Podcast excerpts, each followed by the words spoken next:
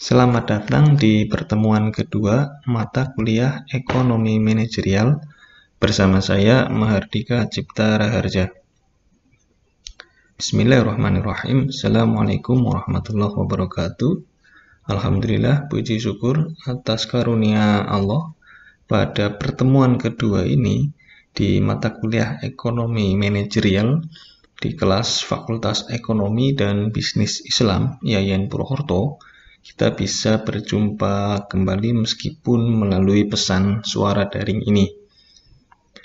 Pada pertemuan kedua ini kita akan mencoba mempelajari, mendiskusikan uh, tema terkait hubungan antar variabel ekonomi. Sesuai dengan rencana pembelajaran semester yang telah kita susun dan kami terangkan pada pertemuan sebelumnya, di dalam pertemuan kedua ini kita akan mencoba membahas lima agenda pembahasan. Uh, kalian bisa buka file uh, materi yang sudah saya share sebelumnya di aplikasi Google Classroom. Di sana kalian bisa melihat ada 12 uh, halaman dalam file tersebut. Di dalam pertemuan kedua ini, kita akan mencoba mempelajari lima sub agenda pembahasan, di mana yang pertama adalah kita akan mencoba memahami terkait ragam masalah di dalam perekonomian. Kemudian yang kedua, kita akan mempelajari hubungan antar variabel ekonomi. Dan yang ketiga, kita akan coba belajar terkait optimalisasi di dalam teori ekonomi. Dan yang keempat, kita akan coba belajar terkait persamaan atau fungsi matematika di dalam ekonomi. Dan yang terakhir, kita coba angkat kasus di dalam hubungan antar variabel ekonomi. Oke, memasuki uh, submateri yang pertama, kalian bisa buka di slide nomor 3 di sana ada bagan yang coba saya angkat untuk uh, memahami terkait permasalahan ekonomi dalam sebuah model. Seperti kita pelajari ketika dalam mata kuliah ekonomi mikro, kita dikenal dengan satu istilah penting di dalam ekonomi. Kenapa ekonomi itu lahir? Karena kita dihadapkan oleh keterbatasan sumber daya atau limited resource. Sedangkan di sisi lain kita dihadapkan pada unlimited one atau kebutuhan yang sifatnya tidak terbatas. Pertemuan antara keduanya itu memunculkan yang namanya scarcity atau kelangkaan ya terhadap uh, sebuah permintaan uh, keberadaan barang atau jasa. Oleh karena itu, uh, scarcity inilah yang memicu uh, munculnya yang namanya permasalahan di dalam perekonomian. Solusinya bagaimana? Kita harus membuat sebuah keputusan. Uh, di dalam teori, di dalam bagian yang saya angkat, di sana uh, ada tiga ya, ada tiga poin utama tiga poin solusi, tiga poin pilihan gitu ya eh, bagi masyarakat untuk menangani yang namanya scarcity atau kelangkaan. Apa saja? Eh, barangkali istilah-istilah ini sudah umum, sudah sering ya kalian dengarkan. Yang pertama adalah meningkatkan pertumbuhan ekonomi. Solusi yang pertama yaitu meningkatkan pertumbuhan ekonomi. Eh, ini ranahnya sudah tanggung jawab pemerintah ya untuk terkait dengan pertumbuhan. Sering kita dengar di media-media uh, pemerintah menargetkan pertumbuhan ekonomi sebanyak sekian persen gitu ya. Atau data historis selama tahun sekian Indonesia mengalami pertumbuhan sebesar sekian persen dan lain sebagainya. Kemudian opsi yang kedua di dalam menangani masalah scarcity ini adalah meningkatkan penggunaan dari ketersediaan sumber daya. Jadi nanti ini akan dijelaskan lebih detail di sini ya terkait bagaimana uh, meningkatkan penggunaan atau pemanfaatan ya dari sebuah sumber daya. Atau yang terakhir yang simple ya sebenarnya bagaimana menangani scarcity ini karena melihat keterbatasan resources adalah dengan mengurangi keinginan. Itu solusi yang paling uh, sederhana. Bahwa kita harus selektif mana keinginan-keinginan yang sebenarnya tidak penting atau mana sebenarnya keinginan-keinginan yang sebenarnya itu bisa tidak kita penuhi dan itu tidak membahayakan, tidak berpengaruh terhadap eksistensi kehidupan kita. Oke, dari tiga opsi tadi, eh, kemudian bisa kita jelaskan lebih lanjut terkait dengan penjelasan bagaimana meningkatkan penggunaan dari uh, sumber daya yang tersedia. Ini banyak sekali istilah-istilah yang saya kira sudah familiar di dalam ranah kajian ilmu ekonomi. Yang pertama, bagaimana kita bisa melakukan efisiensi di dalam proses sebuah alokasi. Jadi sumber daya yang ada itu bagaimana kita alokasikan sehingga dengan penempatan yang kita tentukan ini bisa menghasilkan output yang paling efisien. Nanti lebih lanjut kalian bisa buka lagi ya di dalam materi ekonomi, ilmu ekonomi atau pengantar ekonomi baik mikro ataupun makro. Atau nanti di bab-bab selanjutnya akan coba kita review ulang. Kemudian uh, opsi yang berikutnya terkait dengan peningkatan pemanfaatan sumber daya adalah dengan uh, cara bagaimana kita melakukan efisiensi terkait dengan aktivitas produktif ya atau produktivitas kita bagaimana kita bisa efisiensi. Kalau tadi alokasi gitu ya, penempatan-penempatan, kalau di sini adalah terkait dengan uh, cost atau biaya yang paling efisien di dalam melakukan proses produksi.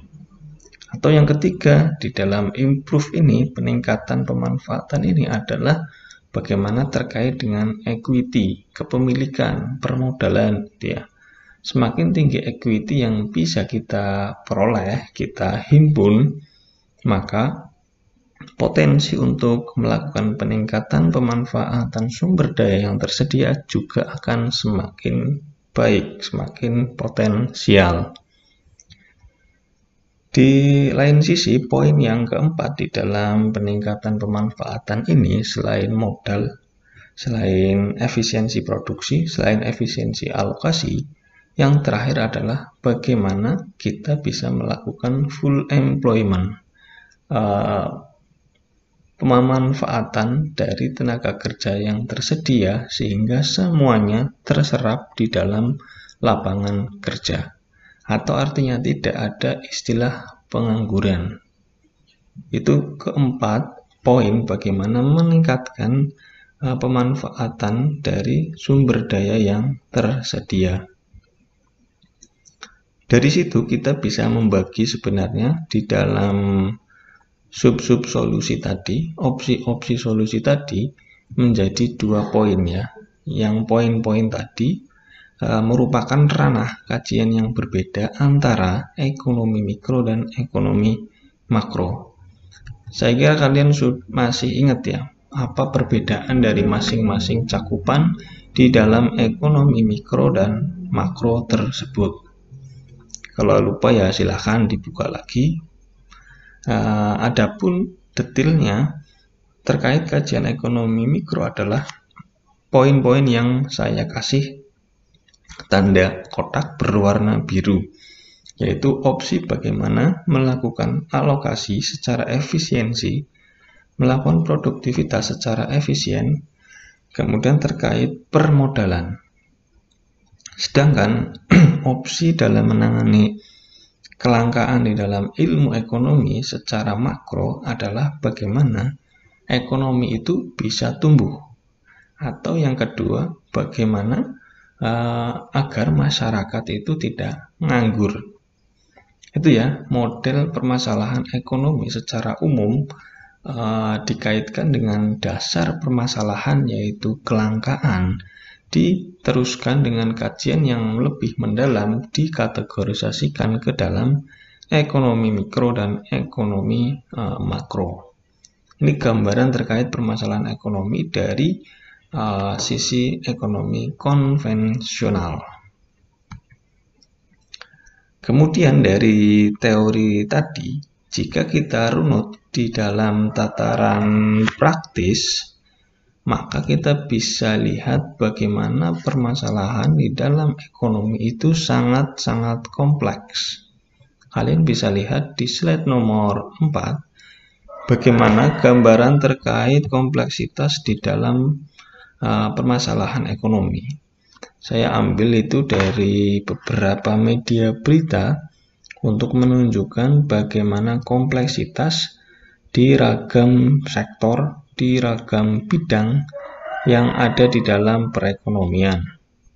Misal contoh bagaimana kompleksitas uh, aktivitas perekonomian dikaitkan dengan hukum, berarti ini makro gitu ya, regulasi pemerintah yang sekarang lagi rame dibahas terkait rencana rancangan undang-undang cipta kerja gitu ya. Jadi nanti itu adanya RU cipta kerja bisa memangkas ya besaran pesangon dari tenaga kerja. Atau kajian lain di dalam ekonomi yang terkait masalah uh, adalah terkait loyalitas uh, konsumen gitu ya. Di sana saya coba angkat loyalitas nasabah dari Bank Mandiri. Dan itu salah satu sampel saja itu ya, bagaimana loyalitas ini menjadi poin penting dalam kajian di dalam masalah ekonomi. Atau hal lain, misal terkait dengan masalah permodalan ya. Di sana kalian bisa lihat itu berita yang gambarnya Chevron terkait dengan bagaimana Chevron itu berencana akan melakukan akuisisi Nobel ya, akuisisi perusahaan lainnya.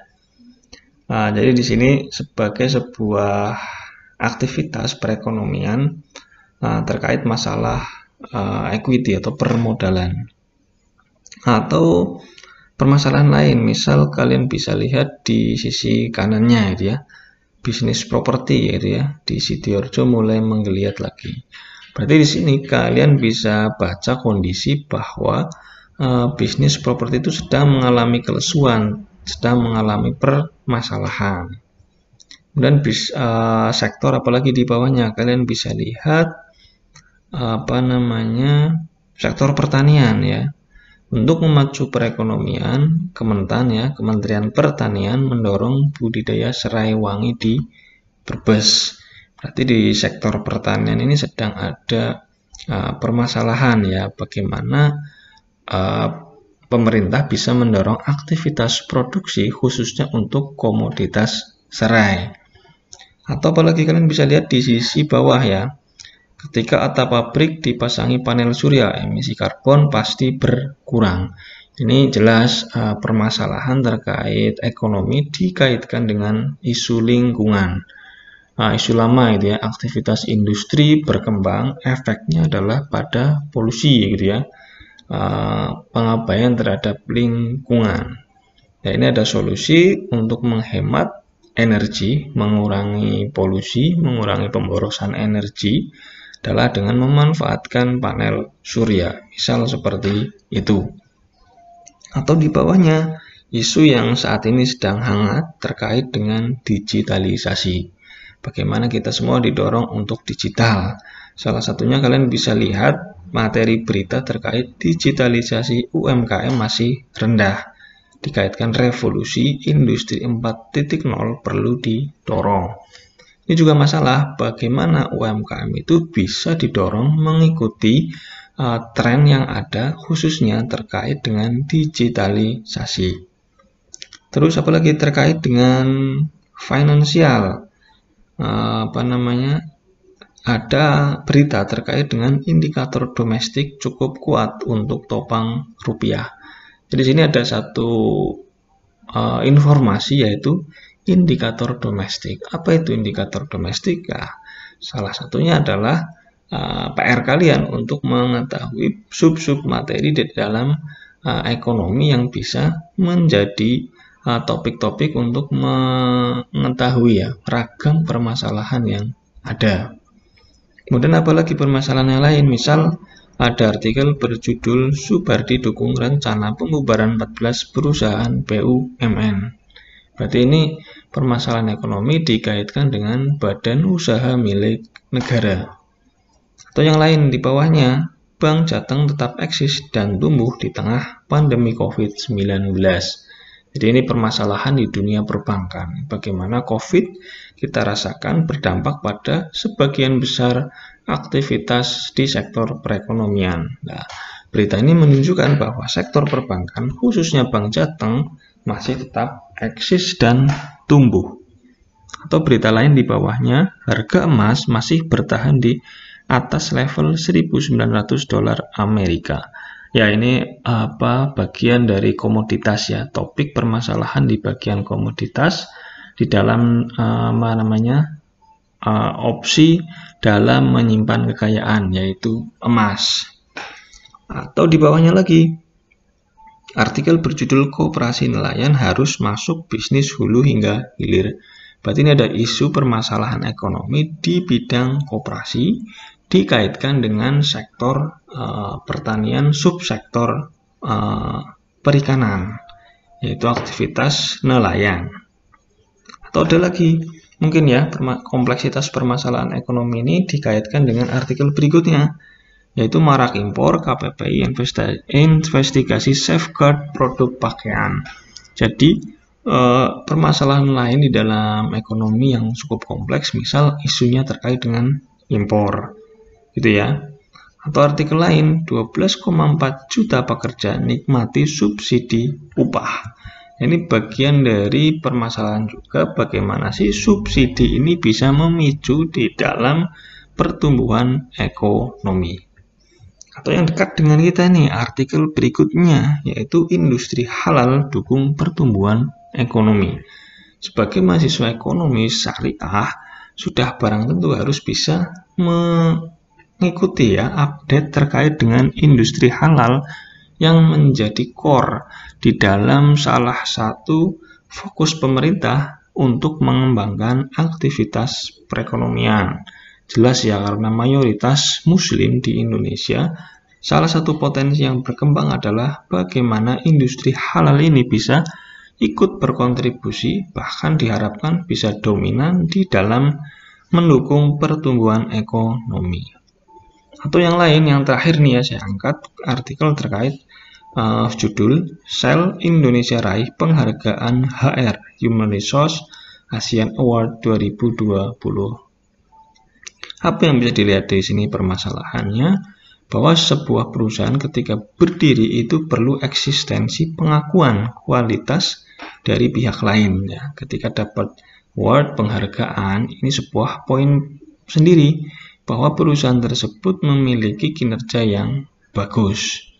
Itu ya, sebagian kecil ya kompleksitas permasalahan yang ada di dalam perekonomian. Kalian bisa lihat secara real di dunia nyata, di sekeliling kalian, masyarakat kalian, di mana kalian tinggal, ataupun seperti saya, kalian bisa melihat di dalam media-media berita, khususnya yang fokus di dalam uh, rubrik perekonomian. Monggo mau media nasional, media lokal, saya kira sudah banyak sekali yang membahas hal-hal tersebut sebagai bahan kalian meningkatkan wawasan terkait dengan permasalahan di dalam ekonomi. Pembahasan berikutnya yang coba saya angkat yaitu kalian bisa lihat di slide nomor 5 yaitu terkait dengan variabel ekonomi.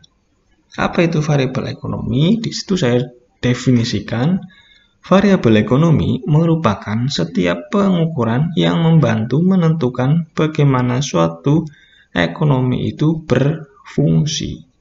Saya ilustrasikan di dalam variabel ekonomi itu akan terkait satu dengan yang lain.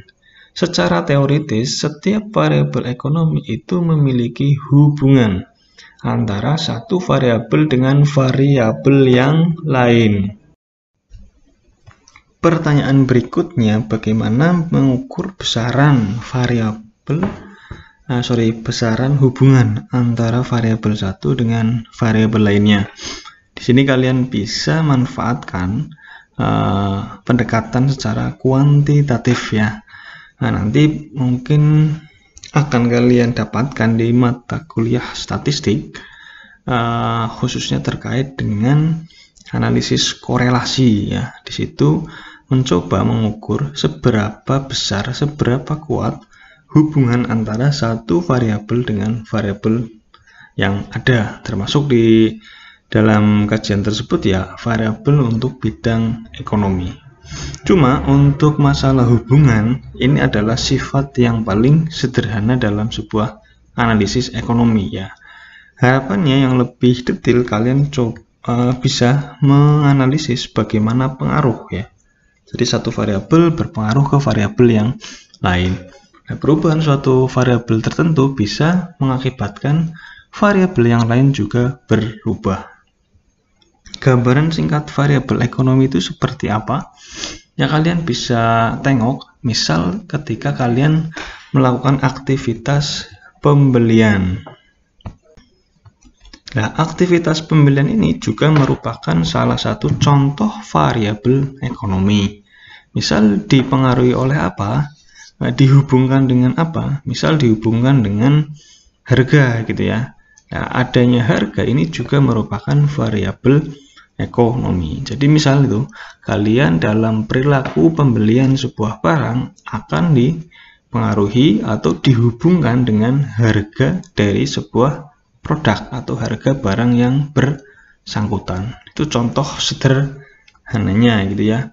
Untuk lebih detailnya, uh, saya sudah coba sajikan bagaimana menggambarkan hubungan antar variabel di dalam bidang ekonomi di dalam slide nomor 6. Saya ambil uh, informasi terkait hal tersebut dari dua sumber. Sumber pertama yaitu dari uh, sisi empiris, dari sisi dunia nyata yang saya tangkap di dalam berita-berita di media online ya. Kalian bisa lihat itu ya dari beragam media, Kompas, bisnis.com, Liputan 6 dan saat itu dari mana saya lupa. Uh, yang kedua, saya coba tangkap kondisi pengaruh hubungan ataupun pengaruh antar variabel ekonomi dari sisi teoritis yang saya ambil uh, dari situs website pengindeks ya, pengumpul ya, hasil-hasil uh, publikasi penelitian di uh, Indonesia dan luar negeri. Salah satunya misal kalian bisa memanfaatkan Google Scholar ya atau Google Cendikia. Ini salah satu contoh saja ya terkait dengan indexing hasil penelitian. Banyak sekali indexing-indexing lain yang uh, levelnya internasional dan lebih bisa dikatakan berreputasi. Oke, misal saja kita coba angkat bagaimana uh, pengaruh uh, satu variabel dengan variabel lain gitu ya. Misal yang satu artikel yang sebelah kiri ya atas saya coba angkat uh, sebuah artikel yang judulnya adalah deflasi berkepanjangan pengaruhi pertumbuhan ekonomi. Jadi masalah yang ada di sini uh, adalah variabel pertumbuhan ekonomi. Tadi di awal sudah kita buka ya bahwa pertumbuhan itu sesuatu yang penting dan menjadi salah satu pilihan dalam menghadapi scarcity. Tapi ternyata untuk memicu pertumbuhan ini salah satunya dipengaruhi oleh deflasi ya, yang sifatnya berkepanjangan. Apa itu deflasi? Ayo ada yang masih ingat deflasi itu apa? Silahkan kalau sudah lupa ya coba cari lagi ya definisinya. Atau hal lain, misal di berita bawahnya ini, uh, apa yang mempengaruhi ekonomi Indonesia? Banyak sekali ya Salah satunya di sini diberitakan ketika Presiden Amerika Serikat Donald Trump dinyatakan positif COVID-19. Loh, apa pengaruhnya ya kena COVID dengan ekonomi Indonesia? Nah, tapi nyatanya di media itu sebuah isu yang penting untuk diangkat. Mengapa demikian? Bisa kalian pelajari sebagai bahan untuk kalian kepo ya. Atau yang lain, misal di sebelah kanan atas kalian uh, membaca berita Shopee tegaskan PPN 10% per 1 Oktober tak pengaruhi ke harga jual. Isu apa di sini? Pengaruh apa di sini? Yaitu terkait kebijakan pemerintah ya. Baru-baru ini menerapkan pajak bagi eh, perusahaan-perusahaan digital. Nah, ketika ada penerapan pajak, apakah bisa terpengaruh dengan harga jual? Nah, ternyata di sini tidak gitu ya atau kalian coba observasi secara lebih dalam misal terkait persepsi pengguna Shopee gitu ya atau pengguna online shop ya nggak hanya Shopee ketika ada penerapan pajak 10% uh, eh, atau yang terakhir ini saya coba angkat terkait dengan sektor primer sektor pertanian gitu ya bahwa di dalam aktivitas sektor pertanian uh, banyak hal yang mempengaruhi sukses tidaknya di dalam sektor tersebut. Di, salah satunya saya angkat dari Kompas dengan judul Pengaruh Keunggulan Iklim Terhadap Kegiatan Ekonomi. E, jadi di dalam salah satu faktornya yaitu untuk memicu suksesnya di sektor primer per, e, pertanian adalah didukung dengan keunggulan iklim. Itu salah empat ya, contoh empat uh, informasi yang bisa kalian rujuk untuk memahami apa itu hubungan dan juga pengaruh antar variabel ekonomi. Atau dari sisi teori, kalian juga bisa uh, melihatnya di dalam jurnal-jurnal, artikel-artikel yang dipublikasi di mana artikel tersebut merupakan hasil penelitian yang dilakukan oleh peneliti-peneliti baik di Indonesia ataupun di luar negeri. Itu saya angkat banyak ya. Bisa kalian jadikan inspirasi untuk belajar lebih jauh. Nah, misal ada judul pengaruh corporate governance terhadap tax avoidance gitu ya.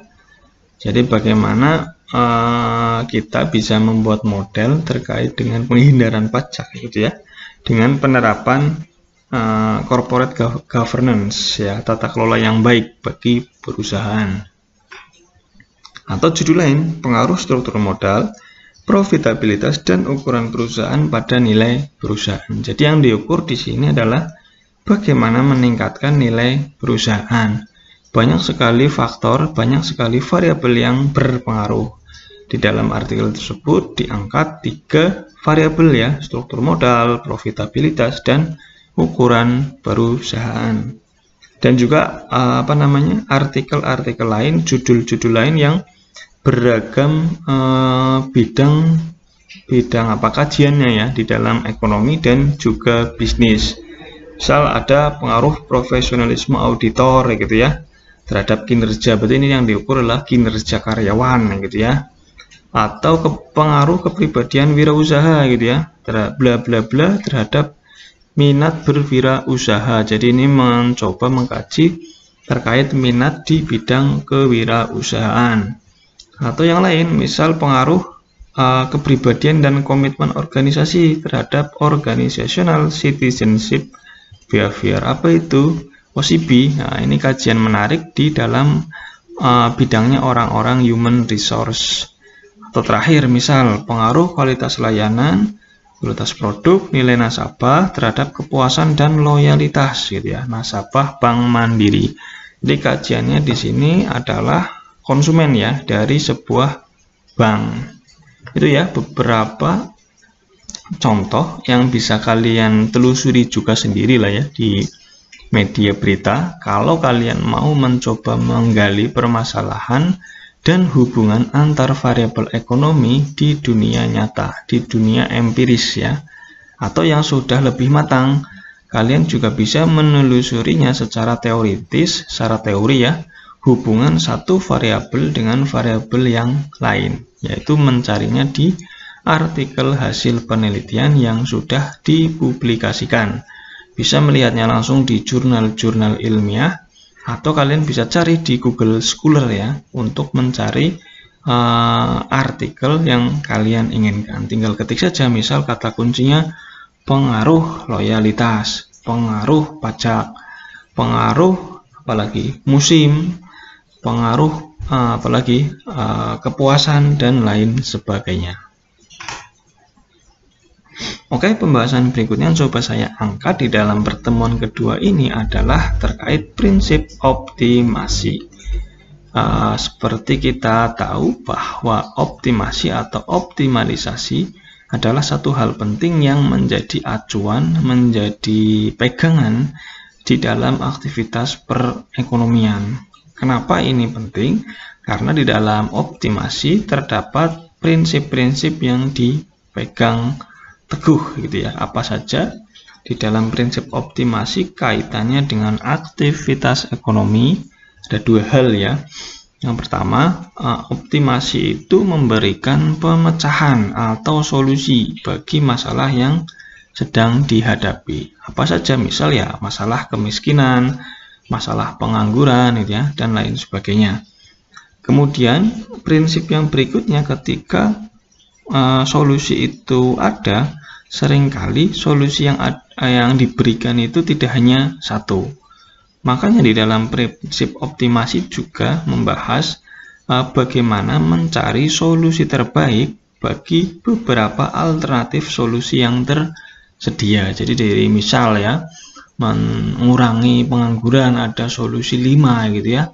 Nah, 5 solusi ini mana yang terbaik gitu ya? Melihat kondisi, uh, situasi, waktu, dan pertimbangan lainnya, maka dipilih salah satu solusi yang dianggap terbaik. Itu sederhananya seperti itu terkait prinsip optimasi. Kemudian secara teknis kalian bisa lihat bagaimana gambaran optimasi itu di dalam slide 8 ketika belajar jenis optimasi ya. Jadi di dalam optimasi itu terdapat dua jenis pendekatan yaitu optimasi maksimum dan optimasi minimum. Jelas, optimasi maksimum itu bagaimana kita memaksimalkan sebuah kondisi ya. Optimasi minimum ya sebaliknya kita bagaimana PR-nya meminimumkan sebuah kondisi. Contoh-contoh realnya di dalam perekonomian, di dalam aktivitas bisnis, misal untuk optimasi maksimum ya memaksimumkan profit jelas ya memaksimumkan keuntungan. Dengan apa? Dengan realita adanya kendala modal modal yang terbatas. Atau yang berikutnya memaksimumkan manfaat dengan kendala minimnya fasilitas. Itu contoh ya salah satu contoh sederhana seperti itu Kemudian yang berikutnya terkait optimasi minimum ya. Apa yang perlu diminimumkan di dalam aktivitas bisnis, di dalam aktivitas perekonomian, yaitu meminimumkan kerugian gitu ya. Dengan kendala apa? Kendala tingginya biaya. Biaya-biaya terus mengalami peningkatan. Itu adalah tantangan untuk meminimumkan kerugian. Atau berikutnya contohnya adalah meminimumkan kegagalan produksi gitu ya. Produksi yang tidak sesuai dengan standar. Dengan kendala apa? Kendala minimnya sarana. Itu jadi ya gambaran singkat uh, secara teoritis terkait optimalisasi di dalam uh, perekonomian. Kemudian untuk lebih bisa menggambarkannya lagi, kalian bisa melihat bahwa di dalam perekonomian itu uh, resum dari apa yang disampaikan sebelumnya ya misal terkait hubungan antar satu variabel-variabel lain gitu ya. Kemudian optimalisasi selanjutnya kita bisa mengukur uh, apa yang kita bahas sebelumnya. Eh, ukuran-ukuran uh, pastinya menggunakan pendekatan kuantitatif.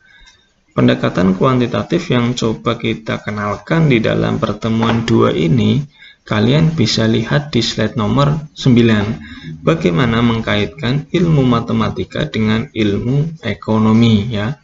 Saya kira kalian sudah familiar dengan apa namanya gambaran yang ada di slide nomor 9 ketika kalian belajar uh, pengantar ya ilmu ekonomi, baik mikro ataupun makro.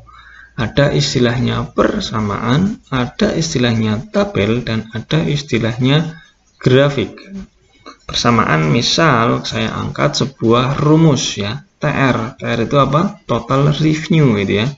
Total revenue dihubungkan dengan variabel lain ya. Jadi total revenue itu kan satu variabel di dalam perekonomian dihubungkan dengan variabel lain. Variabel apa? Variabel Q ya, Q atau bahasanya adalah quantity atau jumlah uh, barang. Persamaannya seperti apa? Sama TR sama dengan 100 Q min 10 Q kuadrat. Dari mana persamaan itu? Ya, ini contoh gitu ya. Untuk dari mananya ya harusnya ada apa namanya studi kasus uh, ada data yang mendukung sehingga muncul uh, rumus atau persamaan tersebut. Tapi yang penting di sini, misal kita sudah mengetahui persamaan adalah bagaimana mengimplementasikannya dalam sebuah tabel dan grafik gitu ya. Nah, ini harapannya bagaimana mengkaitkan ilmu ekonomi yang apa namanya tadi kita jelaskan banyak bersifat kualitatif ya narasi-narasi opini-opini gitu ya uh, dengan apa dipadukan dengan ilmu matematika dengan harapan semua yang kita katakan itu bisa terstandarisasi dengan ukuran-ukuran yang pasti gitu ya. Misal dibentuk dalam tabel mengkaitkan antara Q dengan TR. Gambaran bagaimana ketika Q-nya 0 bagaimana ketika Q-nya 1, Q-nya 2, dan seterusnya. Misal di situ kita batasi Q-nya sampai 6, bagaimana kondisi total revenue-nya gitu ya. Dari tabel tersebut kalian juga diharapkan bisa menggambarkannya di dalam sebuah grafik yang menghubungkan antara sumbu X dan sumbu Y, di mana keduanya adalah membandingkan antara Q dan total revenue gitu ya. Semakin banyak key yang bisa kita produksi, maka total revenue akan mengalami peningkatan. Itu makna yang bisa kalian dapat dari grafik yang kalian lihat ya. Mulai dari titik nol semakin ke kanan semakin mengalami peningkatan. Namun dalam titik tertentu itu kalian bisa lihat akan mengalami penurunan ya. Ini apa namanya di dalam teori ekonomi? Kalian sudah pelajari atau belum? Nah, kalau belum coba diingat-ingat uh, atau dicari kembali ya bahwa dalam titik tertentu uh, semakin banyak produksi yang dikeluarkan maka akan menurunkan total revenue-nya gitu ya, tidak berpengaruh ke revenue. Kenapa demikian? Ayo coba kalian cari apa namanya konsep yang ada di dalam pengantar ilmu ekonomi. Itu satu hal ya terkait total revenue digambarkan dalam persamaan, dalam tabel, dan diakhiri dengan grafik. Atau yang coba lebih detail lagi di sini, di slide nomor 10, kita coba membandingkan antara istilah total, rata-rata, dan marginal gitu ya total average and marginal. Misal contohnya ya total cost, average cost, marginal cost. Di sini ada satu sudah tersedia ya tinggal pakai kita misalkan uh, kondisi dari persamaan tadi kita coba angkat ke average cost-nya rata-rata biayanya dan marginal cost-nya atau biaya marginal masuk ke rumus uh, eh, AC adalah TC dibagi Q sedangkan marginal adalah delta TC dikurang dibagi delta Q. Delta itu selisih ya. Antara angka saat ini dikurangi dengan angka sebelumnya. Dengan rumus itu kalian bisa memasukkannya di dalam tabel sama dengan me, apa mengimajinasikan ya apa mengasumsikan bahwa Q-nya itu mengalami perubahan dari 0, 1, 2, 3, 4 sampai dengan 5. Dari perubahan itu akan kita peroleh rumus untuk TC, untuk AC dan MC ya. Dan yang terakhir yang penting adalah bagaimana menggambarkan secara grafik antara TC, AC dan MC gitu ya. Total cost, average cost dan marginal cost. Itu yang penting yang bisa kalian uh, pelajari kembali ya, barangkali lupa. Dan terakhir dari gambaran grafis itu adalah yang penting kalian bisa menerjemahkan makna dari grafik yang tersedia di uh, khususnya di slide nomor 10. Bagian terakhir di dalam paparan pertemuan kedua ini saya coba mengangkat sebuah kasus ya. Uh, bagaimana menyimpulkan, bagaimana mengumpulkan uh, pembahasan sebelumnya tadi terkait dengan variabel ekonomi ya, uh, yang terhubung dari satu variabel dengan variabel yang lain.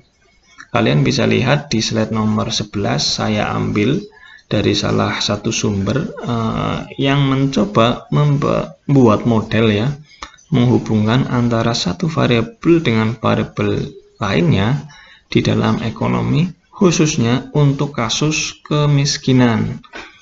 Kita tahu ya kemiskinan adalah sesuatu yang menjadi permasalahan di dalam uh, perekonomian ya. Bagaimana orang dikatakan miskin?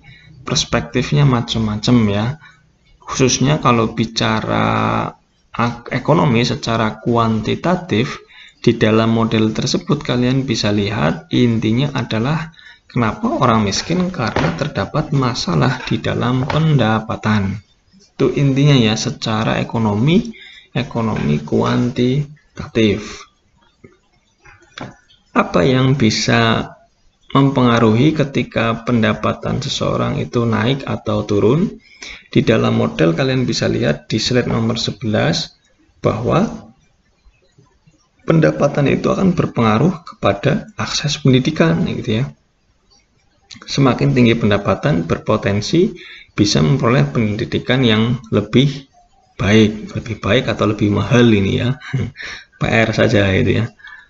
Terus berikutnya pendapatan juga akan berpengaruh ke akses kesehatan. Sama ya, semakin tinggi pendapatan bisa memperoleh akses kesehatan yang lebih baik atau lebih mahal gitu ya.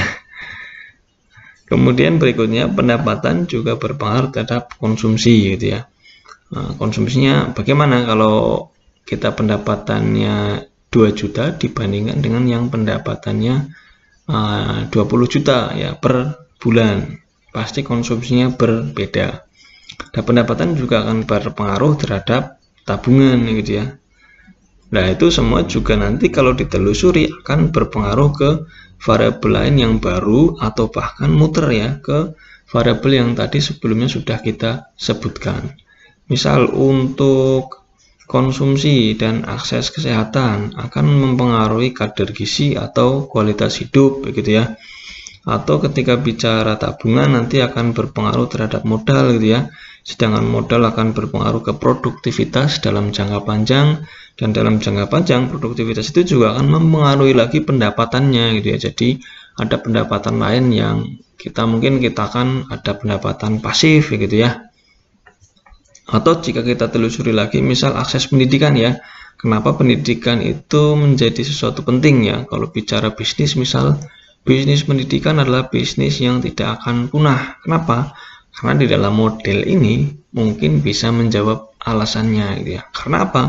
Karena dengan akses pendidikan uh, hal tersebut akan berpengaruh ke, kepada penguasaan teknologi dan informasi, pada peningkatan pengetahuan, peningkatan keterampilan gitu ya.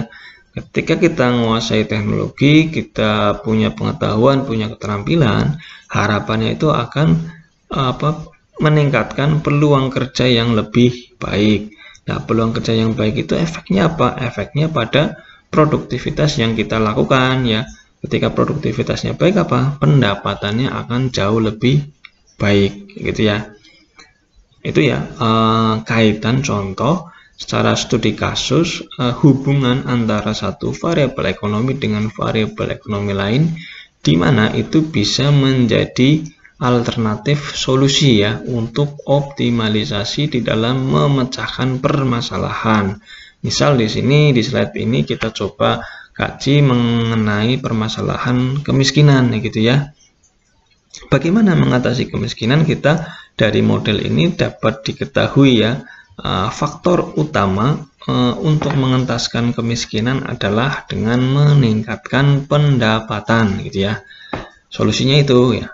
Bagaimana meningkatkan pendapatan? Nah, di sini baru ada beberapa alternatif ya untuk bisa dilakukan baik secara bersama-sama ataupun memilih salah satu terlebih dahulu. Apa saja? Kesimpulan untuk meningkatkan pendapatan yang pertama adalah memberikan akses pendidikan. Gitu ya. Tadi yang saya katakan uh, pendidikan yang baik itu apa sorry pendidikan itu yang diharapkan adalah yang baik atau yang mahal itu ya. Nah itu terja uh, terjawab di sini bahwa untuk bisa meningkatkan atau mengentaskan kemiskinan adalah dengan memberikan akses pada pendidikan atau yang kedua adalah memberikan akses kesehatan gitu ya. Atau yang ketiga adalah terkait peluasan ya bagi peluang kerja. Itu salah satu contoh saja gitu ya.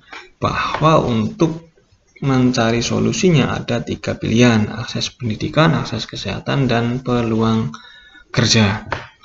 Barangkali itu ya. Untuk pertemuan kedua ini yang coba saya jelaskan uh, terkait dengan materi hubungan antar variabel ekonomi. Oke, okay, untuk selanjutnya, monggo barangkali ada pertanyaan bisa disampaikan melalui sesi diskusi di grup WhatsApp kelas yang sudah tersedia. Uh, barangkali itu atau mohon maaf atas kekurangan kita jumpa lagi pada session berikutnya Wabillahi taufik wal hidayah. Wassalamualaikum warahmatullahi wabarakatuh.